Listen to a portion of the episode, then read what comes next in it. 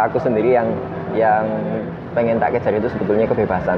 Ah, kebebasan bukan dalam arti kebebasan sing apa ya seluas-luasnya atau sebebas-bebasnya tanpa ada batasan-batasan yuk. Maksudnya kayak kayak bebas. Aku bebas berpikir aku bebas untuk berekspresi aku bebas untuk eh, misalnya aku punya gagasan ayo gagasan ini dikerjakan coba hasilnya kayak gimana Iya. gitu loh. Aku bebas bereksperimen oh aku punya ide gini nih oh aku pengen bikin minuman gini nih atau oh, aku pengen coba sih market yang bentuknya seperti ini dia bisa dikasih treatment seperti apa supaya ada kemudian ada efek seperti apa gitu. Nah itu jadi kalau kita udah terjun di ini ya di apa dunia bisnis itu ya wis. Ah, serba ketagihan lah. Nanti ada peluang lagi. Eh dicoba. Eh ada peluang lagi. Eh dicoba. Gitu sih. jadi terlalu banyak hal yang menarik sebetulnya yang eh, sebetulnya bisa digarap bisa dikerjakan gitu. Meskipun kadangkala kita harus sadar diri aja ya. Maksudnya kayak eh, kita yang masih terlalu minim pengalaman ketika mengambil terlalu banyak kesempatan juga Iya. berbahaya. Karena ya konsistensi lah. Kita butuh konsistensi dulu. Kalau di dunia apa entrepreneur itu sama kayak atlet sebetulnya. Jadi di atlet itu kayak pelari misalnya ya. Kita kayak pelari tuh. Kita butuh endurance dan butuh akselerasi. Ah. gitu. Kalau kita akselerasi aja yang eh, kenceng Ah. gitu kan langsung sikat semua dikerjakan semua tapi nggak punya endurance ya paling cuma sebentar habis itu kolaps Iya. habis itu eh, off semua gitu kan tapi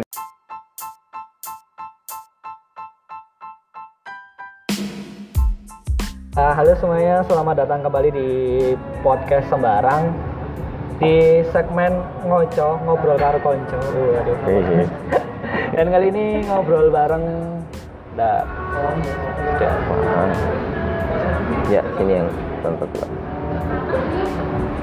terima kasih.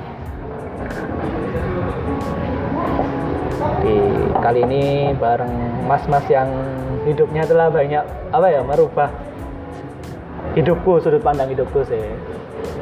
wah terlalu berlebihan ini.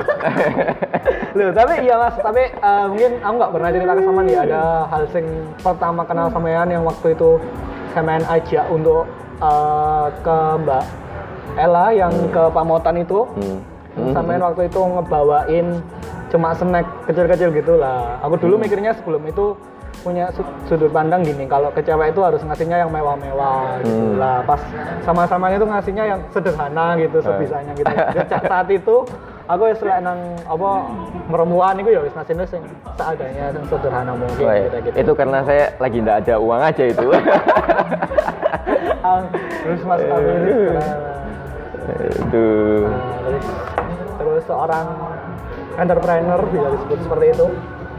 eh, sedang belajar untuk jadi entrepreneur Oh. sedang belajar belum lah belum Inilah contoh-contoh orang sukses. belum belum Selalu selesai. merendah. Dengan Mas Afif Afif, eh, nama panjangnya Afif Safi. Muhammad Afif Oh cuma Muhammad Afif gitu aja. Tak kira masih ada nama-nama Jawanya gitu.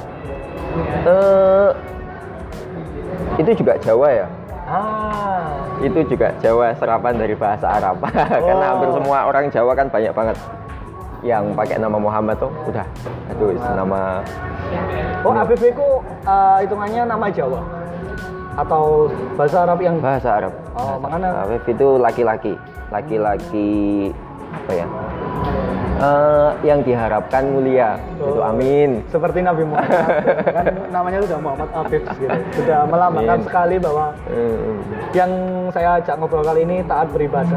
amin amin amin Ya mas, eh, kita ngobrol-ngobrol aja ya, jangan berasa kayak di interview. Jadi ketika aku bingung sama dia boleh nanya nanya oh. aku lah. boleh boleh boleh boleh kita. Betul, betul.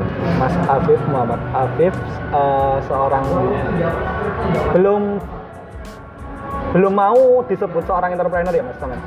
Eh, bukan belum mau ya maksudnya belum layak lah.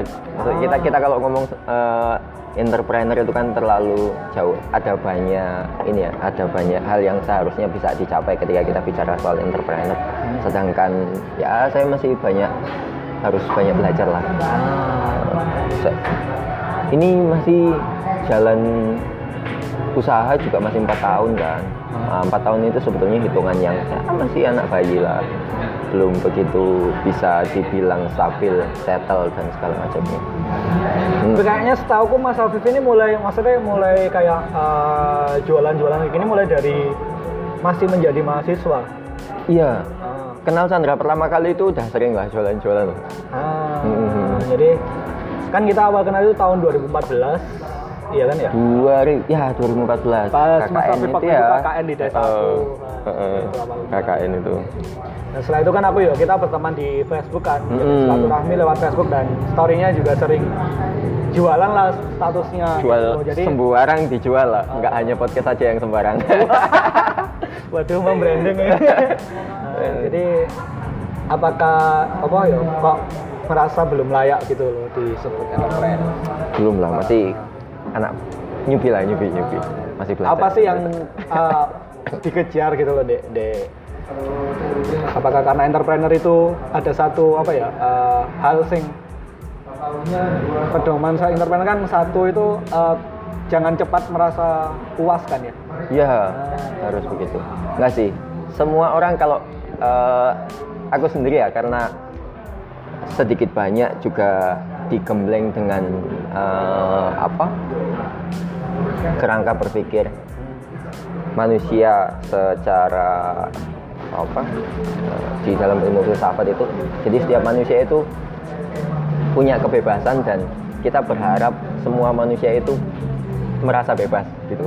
Artinya aku sendiri yang yang pengen tak kejar itu sebetulnya kebebasan. Ah, kebebasan bukan dalam arti kebebasan sing apa ya seluas-luasnya atau sebebas-bebasnya tanpa ada batasan-batasan yuk maksudnya kayak kayak bebas. Aku bebas berpikir aku bebas untuk berekspresi aku bebas untuk eh, misalnya aku punya gagasan ayo gagasan ini dikerjakan coba hasilnya kayak gimana Iya. gitu loh.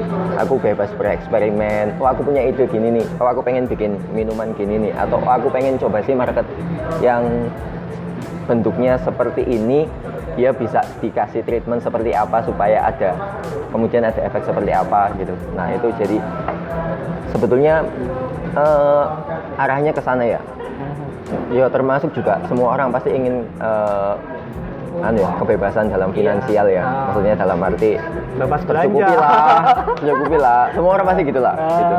Tapi yang yang lebih penting sebetulnya kebebasan diri sendiri eh, ya lahir maupun batin lah. Itu sih. Jadi ya makanya belajar untuk jadi entrepreneur gitu. Meskipun sebetulnya kalau di awal-awal itu ya Jan. Mhm.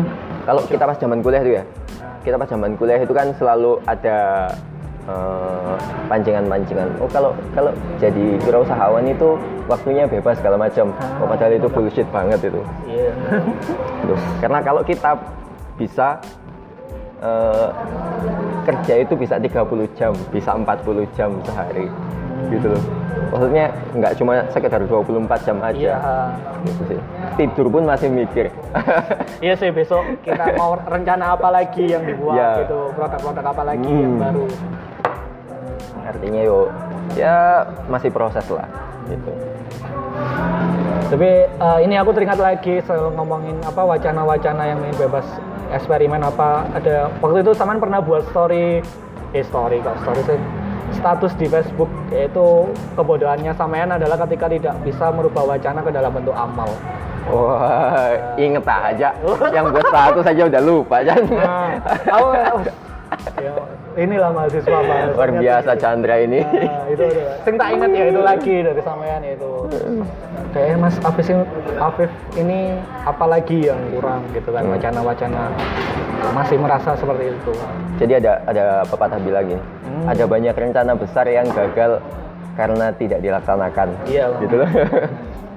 Dan ada eh, segelintir rencana-rencana kecil yang berhasil dan memberikan efek yang besar karena dilaksanakan gitu sih jadi itu zaman kapan ya ada baca-baca gituan ya Nah, eh, Lama banget lah. Kalau nggak salah setelah ya setelah kita ketemu itu mungkin 2015-an lah Iya. status itu. Iya kali. Apa waktu itu mungkin apa Mas Afif ini gagal di apa eh, entrepreneurnya usaha-usaha ini belum maksimal ya pikirku Hmm, atau ah, 2015an itu kebetulan lagi ini Chan mungkin ya 2015an itu lagi jabat di adalah organisasi ekstra kampus. Ah. nah, kebetulan lagi jadi ketua umum kan. Oh. makanya ya banyak paling aku Oh, iya, satu-satu yang hubungannya sama leadership leadership kayak gitu. Program-program kerja yang kurang ya maksimal kurang kayak gitu-gitu. maksimal nggak dilaksanakan gitu gitulah Oh, kirain yang berhubungan kan sama usaha-usaha ini. 2015 itu kalau yang berhubungan sama jualan ya, Ah. dagang ya, itu aku masih garap ini ya. Aku masih garap desain grafis kalau nggak salah waktu itu. Jadi aku gandeng sama teman-teman eh, yang animator, yang apa satu lagi desain anu lah videografer itu sih buat bikin uh, satu unit ini lah konten kreator gitu lah untuk bikin apa? Bahan-bahan media advertising gitu sih. 2015an itu. Bikin-bikin logo bikin-bikin apa project desain kalau ada pameran segala macam. Kayak gitu gitu Iya waktu itu Mas Arfi yang desain logo untuk uh, mos di sekolahku kan yang dua kartun itu. Mas Afif kan ya? Bisa jadi Iya. oh iya Mas Afif yang desain banner konsep. lupa juga ya waduh banyak lupanya ini aku Karena sudah banyak pikirannya tentang Aduh. ini. Kopi kopi kopi kopi. Ya.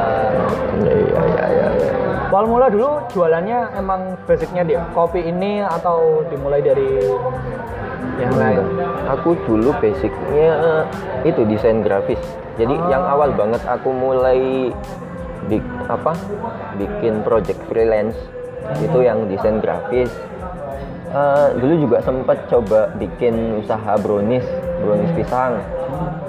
Terus juga sempat bikin eh, apa sih? Jualin produk beras organik juga pernah jadi bikin sama teman-teman partneran gitu itu sih yang gagal gagal gagal gagal terus akhirnya ketemunya di kopi ini di kopi ini mulai 2016 lah. 2016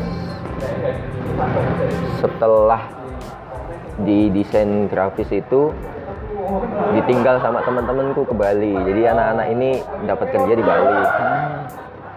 Kebetulan mereka saudara gitu. Jadi satu ke Bali satunya yang ikut. Iya. nah, tinggallah aku ditinggalkan sama anak-anak kan ada project yang gede-gede gitu nggak nutut waktunya. Akhirnya sambil garap project sambil buka warung kopi gitu tapi ternyata begitu jalan warung kopi eh, waktu itu kan masih agak sepi nih daerah sini nih. jadi aku biasanya dulu Iya, sambil masih awal-awal. jaga kedai kalau lagi sepi ya sambil garap Ya. desain Ya, Oh. ngedit. Oh, ngedit ngedit ngedit habis itu kedai kopinya makin bagus makin rame eh, makin banyak yang diurus nah project-project itu tak tinggal udah mulai nolak-nolakin project Oh. gitu sih.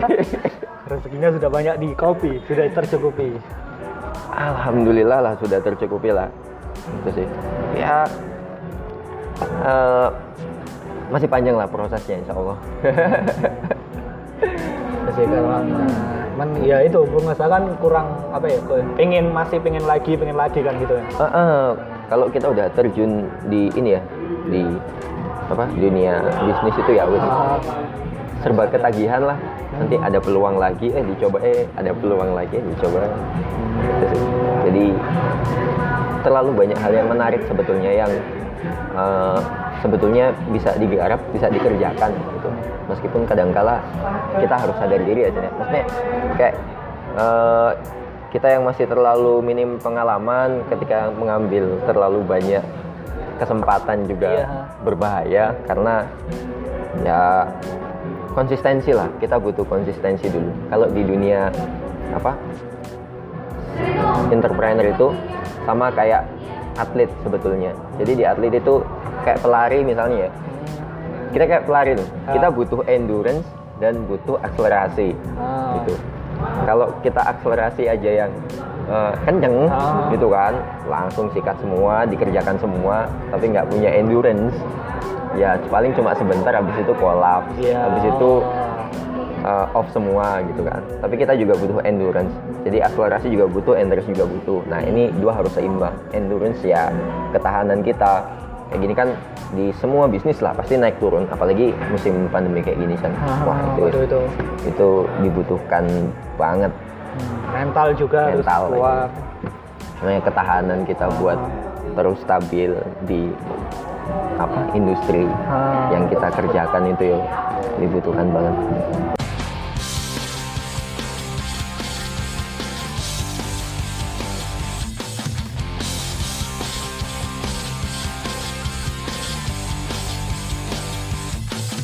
Aku juga biasanya kalau dari rumah wajah sana ke sini juga bawa barang biasanya. Tapi kan eh, yang dari desa dibawa ke kota. Ah, Ya. ah, sayur-sayuran gitu ya. ya, kadang sayur, kadang eh, jahe, kadang buah gitu kan. Karena ada teman-teman yang bisa dikontak di sini yang mungkin mereka butuh. Hmm. Apa, kadang juga jeruk, jeruk, jeruk apa? Jeruk lemon Iya. gitu. Akan kadang ada yang butuh di sini. Kita bawain dari rumah sekintal. Kita juga bawa kopi. Iya. Itu sih kayak wah masa pandemi kemarin juga wah luar biasa itu. Iya sih. Kan ini tutup ya? Hmm. Tutup ya? Iya. Udahlah. Untungnya kita masih bisa jualan bertahan hidup dari jualan kopi, jualan gula, jualan jahe, jualan apa ya kemarin? Alpukat sampai. Aduh. Kayak di sana kan banyak tuh alpukat. Nah, Ah. kebetulan pas di sini pas harganya lumayan tinggi, eh, barangnya langka juga, jadi bisa dicariin di sana. Ya lumayan lah buat mengcover kebutuhan bensin dari rumah ke sini kan lumayan sebetulnya banyak anu potensi yang dari ini ya dari desa ah, Wajah, Turen, Gondang Legi atau mungkin daerah Selatan. Sumber Manjing ah, itu banyak banget sebetulnya potensi yang bisa kita bawa ke, Ke sini kota. Ah, ke kota kayak kayak apa Degan, Degan kan tahu Oh. sendiri lah harganya di sana berapa, Iya. dijual ke sini bisa berapa gitu. Degan terus kayak pepaya, Iya, Bu. jeruk pecel juga, Ah. terus apa lagi ya, pisang, kopi ya lah kopi, terus eh, Singkong gitu nggak? Singkong nggak begitu banyak di sana, nggak begitu banyak. Ah. Itu sih paling ya buah-buahan yang salak gitu kan, sawo itu kan banyak daerah sana rambutan. Kalau rambutan sih harganya nggak seberapa ya, maksudnya ngambil Iya. margin keuntungannya sedikit lah. Ah. Biasanya soalnya kan uh, masku pun juga menikah sama orang ambil gading biasanya juga ngebawa hasil buminya terus dijualnya ya di kota lagi itu ya lumayan hasilnya Lumayan, jahe apalagi. Wah, jahe selisihnya tinggi. Ah. Maksudnya marginnya yang bisa kita ambil sebetulnya tinggi dari sana ke sini. Hanya mungkin butuh ketelatenan buat merawat pasar ya. iya benar Gitu sih. Kalau kayak saya udah eh, ya udah kadung terjun di kopi kan, maksudnya mau mau merambah lain. komoditas yang lain kayak aduh nanti dulu lah kita fokus di coffee shop ini dulu lah, fokus pengembangan coffee shop ini dulu. Itu sih. apa sih yang kurang Wah masih banyak kurangnya lah, masih banyak. PR-nya masih banyak. Ini kan juga eh, ya Alhamdulillah lah, maksudnya udah bisa autopilot kan. Kan Oh. kalau dulu kan apa-apa serba dikerjakan sendiri, Iya. harus diatur sendiri. Kalau sekarang kan udah bisa autopilot. Jadi makanya aku sekarang jarang ke sini, jarang ke kedai. Eh, karena teman-teman udah bisa diandalkan banget buat udah aku lepas tangan gitu ya ini udah jalan sendiri itu sih ya meskipun masih tetap harus ini. kontrol kontrol pastilah controlling itu pasti controlling eh, ya tetap ini juga tetap ngebar juga gitu buat mempertahankan kemampuan untuk bikin kopi, Iya. bikin segala macam, tetap eksperimen. Meskipun di rumah juga tetap berurusan sama kopi sih kan selama masa pandemi mesin roasting yang buat ke kopi ya, kan dibawa ke rumah. Jadi di rumah itu aktivitasnya roasting. Hmm. Tiga hari di rumah ngerosting, empat hari di sini. Ini ngerosting kopi ya, bukan ngerosting orang lain. ngerosting kan ada stand up comedy kan. Iya, Nah, menelanjangi orang lain. Iya, ya bisa dikatakan seperti itu. Aduh. Oh, jadi Itu sih. mulai memproduksi, maksudnya merosting sendiri itu mulai kapan, Mas? Aku ngerosting sendiri tuh mulai dua tahun lalu lah. Ya. hmm. 2018an mungkin ya. 2018. Mulai ngerosting. Iya. Itu sih. Karena kita pengen ini aja, pengen lebih banyak bisa bereksperimen gitu. Jadi ketika Ah. kita kalau di industri kopi itu ada kita bisa bagi ke empat bagian pelaku. Petani di budidaya di kebun, prosesor, orang yang memproses kopi di pasca panennya. Jadi setelah petani, setelah budidaya dipanen kan diproses nih pasca panen. Nah itu namanya prosesor. Prosesor. Kadang ada prosesor yang dia bukan petani, ada yang prosesor yang dia juga petani. Ah. Terus step berikutnya roasting, nah, roastery, nah, Hmm. itu sih. Terus step berikutnya baru coffee shop Penyajian. yang ya. Yang menyajikan langsung ke peminum kan, Hmm. ke end user. Itu sih. Nah kita bisa memilih uh, mengambil dua bagian ini. Jadi di roastery sama di coffee shopnya. Ah. Pasti ada niatan untuk ngambil keempatnya kan? Hmm, belum tahu ya sampai Oh. saat ini belum ada niatan buat masuk ke Petani. petani dan prosesor. Cuma kita karena dari roastery ini kita banyak uh, berinteraksi sama prosesor petani untuk nyari kopi yang bagus, untuk nyari apa? Uh, mungkin request atau uh, apa ya? Kayak kadang di petani itu kan mereka banyak yang mengolah tapi sedikit kurang sentuhan apa gitu Iya. kan kita minta untuk diperbaiki entah di bagian prosesnya entah di bagian budida- budidayanya cara-cara panennya segala macam paling gitu aja sih sementara ini begitu mungkin sifatnya kemitraan ya dengan Iya. profesor dan petani Oh. Jadi belum, sih. maksudnya belum ada pandangan untuk ke sana juga gitu ya? belum belum sebetulnya banyak sih di awal tahun 2018 itu kita banyak ditawari sama orang-orang yang punya kebun yang tidak terawat gitu untuk ngurus kebunnya cuma terlalu jauh buat kita ya maksudnya Iya. itu eh, butuh spesifikasi keahlian tersendiri Hmm. dan butuh ketelatenan tahu sendiri kan kalau merawat tanaman itu Iya. harus stay di sana setiap hari yang ngeliatin tanamannya ah, ngecek packing. gitu kan gitu sih makanya udahlah kita sadar diri dulu lah kemampuan kita sampai mana Hmm. gitu deh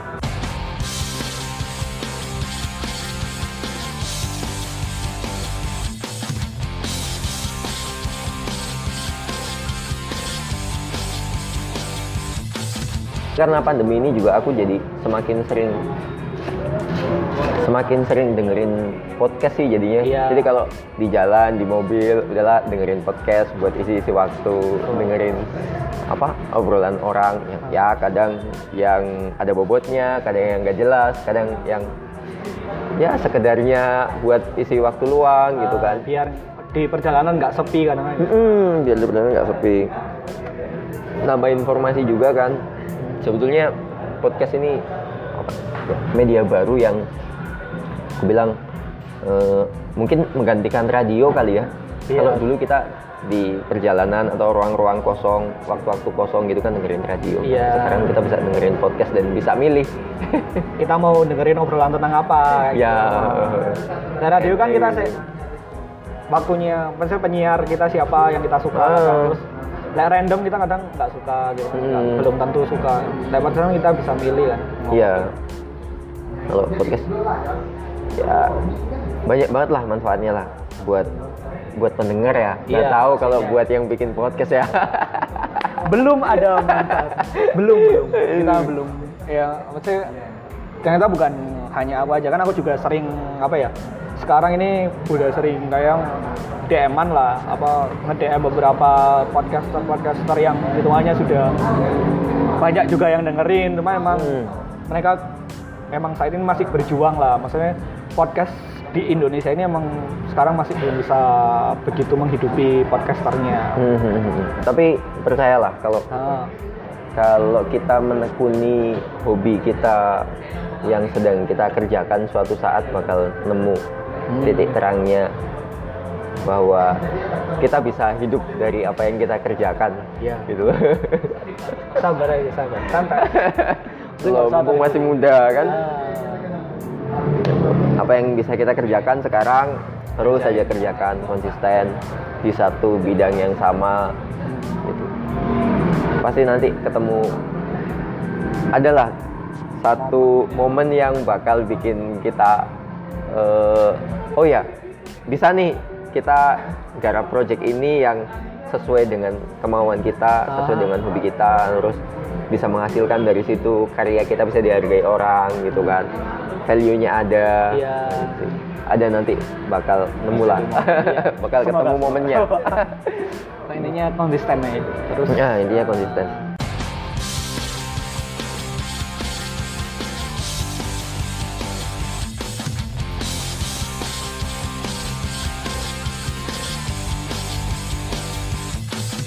semakin sering semakin konsisten kita bikin karya itu yo semakin banyak orang yang bisa menghargain nanti hasilnya kayak gimana. Maksudnya kayak apa? Kita juga semakin bisa banyak belajar ya ketika bikin sesuatu pertama ada banyak celahnya kedua oh ini ditutupin. Dari seribu celah tutupin satu satu satu satu satu sampai hampir sempurna gitu kan. Nah itu butuh proses panjang pasti. Sama aja lah di semua industri. Apalagi bikin kopi. Aduh celahnya banyak banget. Hmm, kalau kalau di apa di podcast gitu kan itu udah dunia ini ya verbal ya gitu. Maksudnya eh, dunia digital juga jadi orang nggak ketemu langsung kalau orang ngomongin nggak nggak ketemu secara langsung terus Iya. ngomongin gimana kalau di di industri kopi ini kan adalah banyak lah kita yang dulu pertama orang datang terus langsung bilangin kok gini sih kopinya Iya. apa ini kopi ini nggak enak ya?" langsung terus langsung di, depan muka gitu kan aduh perasaannya aduh dulu aku Yang adalah gitu. orang yang seperti itu kadang mulai naik tempat terus karena maksudnya teman-temanku banyak yang apa ya kerja di tempat-tempat kopi atau tempat toko-toko gitu jadi aku lebih menghargai sekarang dulu aku suka mengacak-ngacak maksudnya suka aneh-aneh gitu permintaannya tapi sekarang mulai kan sering dengar keluhannya teman-temanku Eh. jadi mulai oh ya, aku harus mulai mengurangi Iya. dewasa juga kan jadi sempat jadi pendekar dong dulu Ya, kalau kalau di kopi biasanya dulu banyak pendekar Ah. ya ya itu sih yang yang apa ya selalu mengomentari apa yang kita kerjakan. Gitu. Tapi ya sebetulnya itu mengajari kita juga. Maksudnya Iya. menempa diri kita dari yang oh ada celahnya tutupi lagi celahnya. Ada kurangnya tutupi lagi. Kita ada yang belum bisa belajar lagi. Ah, itulah proses lah proses. Kita pasti ya namanya juga melakukan sesuatu pasti ada aja orang yang Mm-mm, dan itu wajar lah dulu pertama pertama sih gini Chan. Aku di ngejalanin di beberapa apa ya project usaha lah bisnis lah Ah. gitu. Agak parno sih dengan pola eh, gimmick-gimmick dari eh, orang-orang kayak gitu kan itu kok gini sih kok gini sih gitu kan pertama. Tapi ternyata semakin ke sini semakin mewajarkan karena ternyata nggak cuma di kopi aja. Iya. Gitu. Di semua industri begitu. Di semua bukan hanya industri kuliner ya. Nah, mau in- industri apa eh, percetakan atau di industri Broadcasting, apa, gitu-gitu. podcasting gitu kan. Saling nyelatu saling Ah. mengomentari satu sama lain. Atau mungkin eh, kontraktor gitu kan sama aja. Sebetulnya di semua industri itu seperti itu. Jadi ketika kita terjun di dunia industri di dunia bisnis gitu ya udah biasa aja. Persaingan semacam itu tuh udah udah sering lah. Jadi pinter-pinter kita menata diri sendiri aja supaya nggak gampang baper. Ah, gitu sih. Santai santai ya dengan lah orang-orang apa sih masih muda terus baru mulai suatu project gitu lah pasti ya Hmm. udah di gini gini udah udah down. down gitu kan itu sih makanya jangan gampang baper lah intinya Iya. Baper. Jangan mudah tersinggung. Tersinggung Ah. boleh, tapi kita harus Ya, tahu betul. bagaimana kita menunjukkan sikap tersinggung kita. Ah, betul Jadi, sebetulnya kayak masalah datang itu eh, apa pun masalahnya lah apa pun masalahnya besar kecilnya itu eh, yang perlu digarisbawahi sebetulnya bukan masalahnya itu tapi bagaimana cara kita menyikapi masalah itu datang. Ah, gitu loh. Itu sih. Sama kayak kalau di sini sebetulnya aku sendiri menerapkan eh, pemahaman terhadap teman-teman di sini kalau komplain itu bukan masalah justru komplain itu peluang Iya. gitu. komplain dari customer itu peluang peluang untuk bisa kita berkomunikasi sama customer Ah. kasih apa ya menerima saran menerima kritik dari customer membangun engagement dengan customer gitu bukan karena ada komplain terus kita jadi takut waduh masalah ini Iya. enggak bukan gitu tapi ketika ada komplain kita justru mera- merasa bersyukur bagus dong dia komplain ngasih tahu kita Iya. ngasih masukan kita kita kurangnya apa. Ketimbang nanti ketika dia nggak komplain malah besoknya dia udah langsung nggak ke sini lagi. Iya. kasih tahu temennya kalau di sini ada kurangnya Iya. gitu kan. Maksudnya dalam hal yang pada waktu itu terjadi ya gitu kan. Eh, rawan lah hal semacam itu. Kalau komplain nggak ditangani dengan sikap yang benar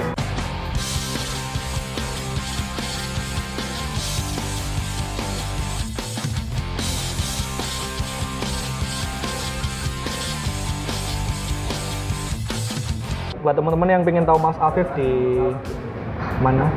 Ke sini aja ya, kayak Iya Equal di Coffee. Equal aja atau apa cek cek Instagramnya Equal gitu Iya, kan ini kan Equal. ketemu ketemu sendiri Ya, Equal Coffee. MLG Ya. Hmm.